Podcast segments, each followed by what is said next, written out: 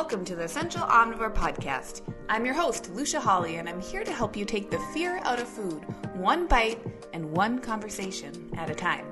From guest interviews to the gooeyest of details about your guts. I hope you'll join me in creating space around the subject of our bodies and just what they might be telling us when we slow down and listen closely. Remember that the information provided within this podcast is for general information and educational purposes only and does not provide medical advice, professional diagnosis, opinion, treatment, or services to you or any other individual.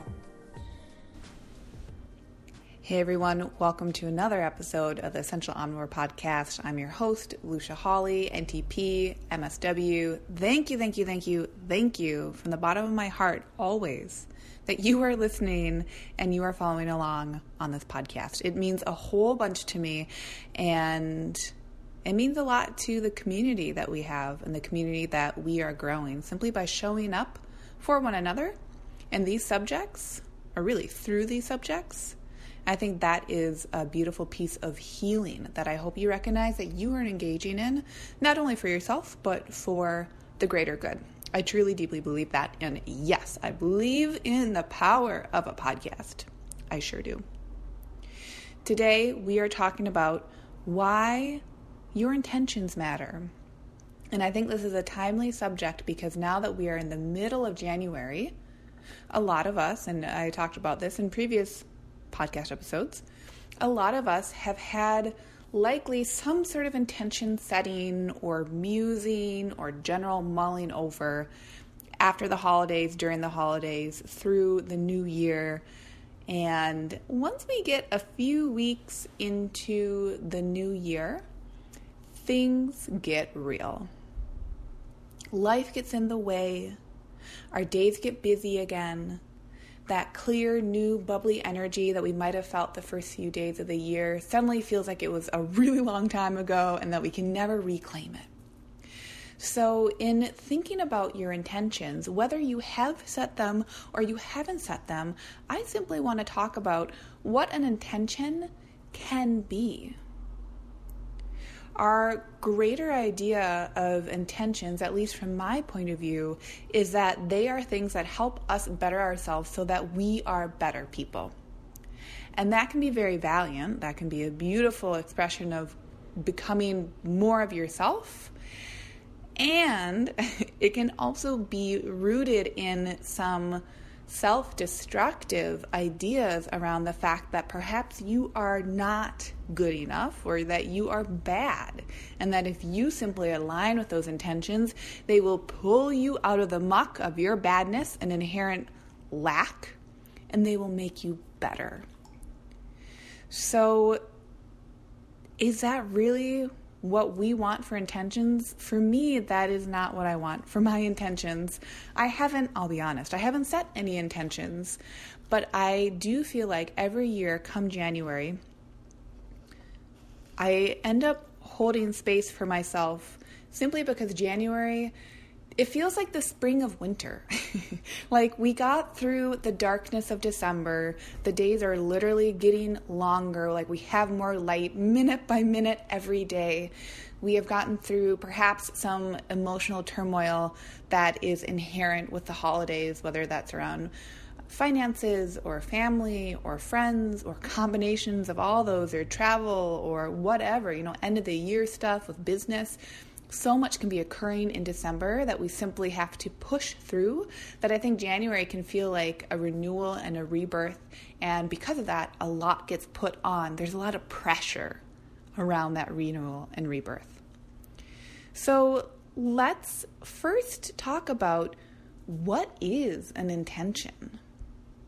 If you look up the definition of an intention, there are two two parts to it. An intention can be a thing intended, aka an aim or a plan. An intention, actually, there's a medical definition as well. So, an intention, and I think this is incredible, an intentional, an intention from the medical standpoint can be the healing process of a wound. Let me say that again. An intention, from the medical terminology, means the healing process of a wound. For me, when I learned that, that like laid me out flat and made me think about the idea and the feeling that I get from the word intention in a whole new light. And it really made me think and start to ask myself some questions. So, my questions are Can intentions inherently come from a place of healing? And in our current world, are they encompassing in that way? Or do they come from a place of strictness and rigidity as a way to right our allegedly wrong selves? And I think most of the time, like I was saying before, it falls into the latter camp. We try to use intentions as a balm to cover up our badness. So today, what I want all of us, and I always include myself in any of this stuff, and like the homework that I talk about, I do it too.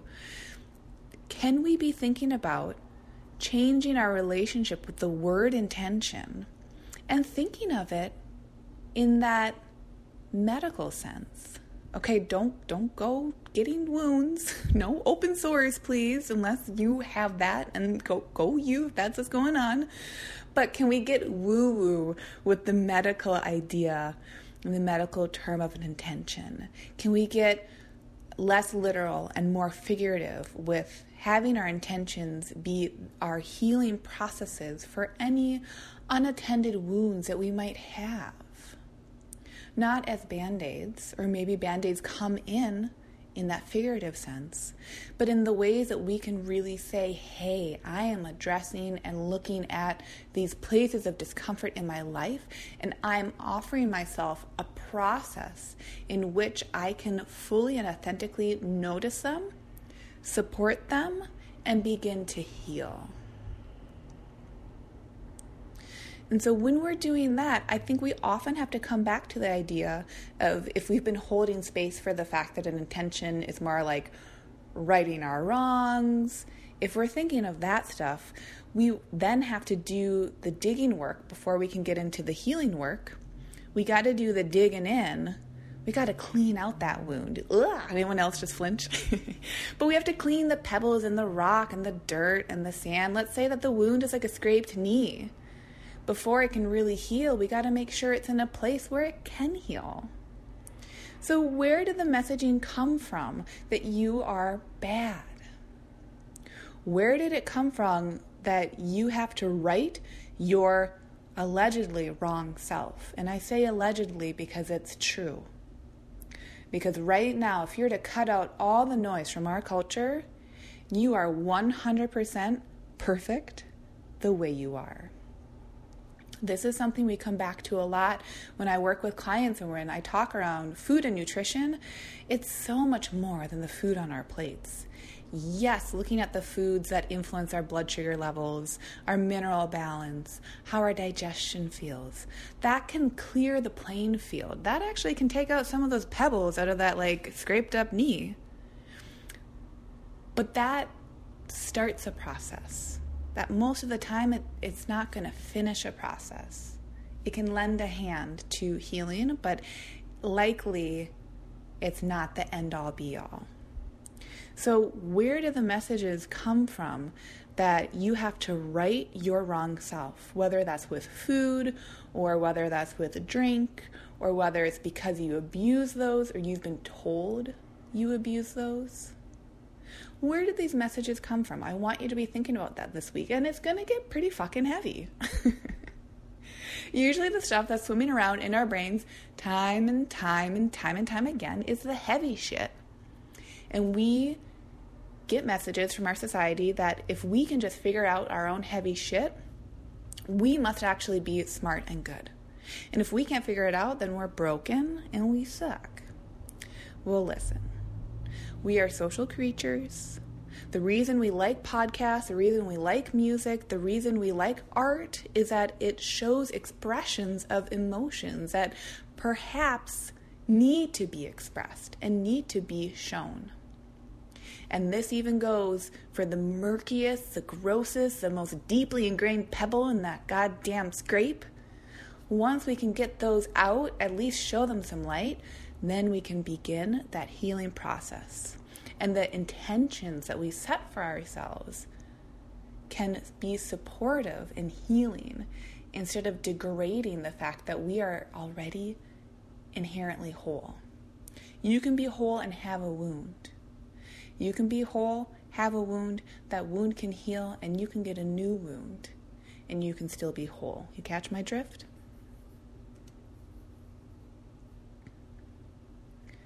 So, it's a very short episode today because I just think there's there's power in that definition of what an intention is.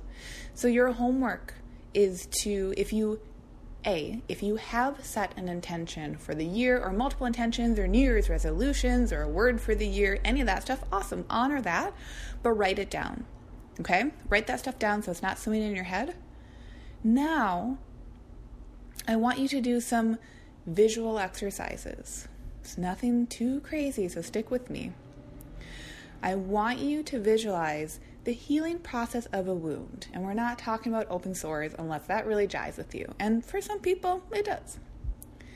I want you to sit and give yourself three whole minutes.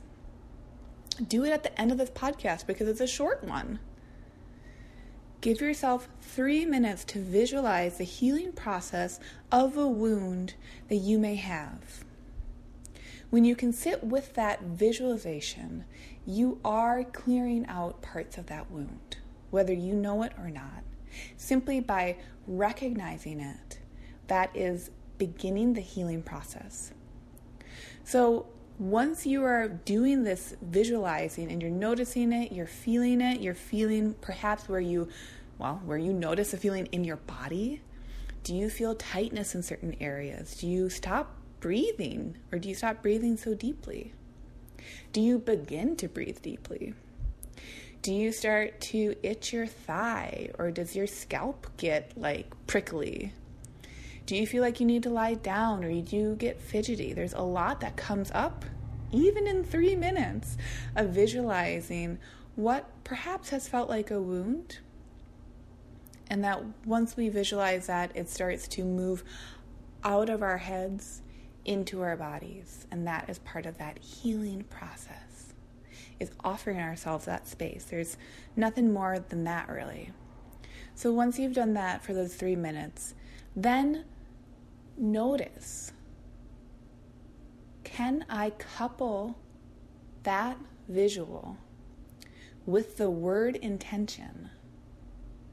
And what comes from there? What are the words the verbal expressions I can offer to myself that capture that feeling of healing or that capture the actions that I am now inspired to take or that I could take that can offer healing.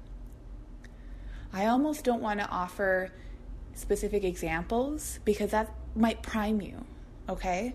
So the intentions and the the words, the intentional words that you are setting or the mantras or the phrases, the sentences, whatever you're trying to capture for this new year, see what comes up for you after that visualization.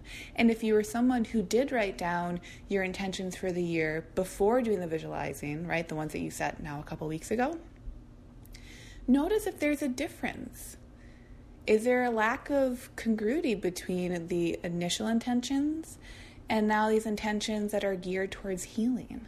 Maybe there is. Maybe there isn't. Maybe it was totally in alignment and that has been confirmed by this. Maybe those prior intentions were actually rooted in trying to fix your wrongness, in trying to abide by the teachings of our culture that you are wrong and that you should fix yourself.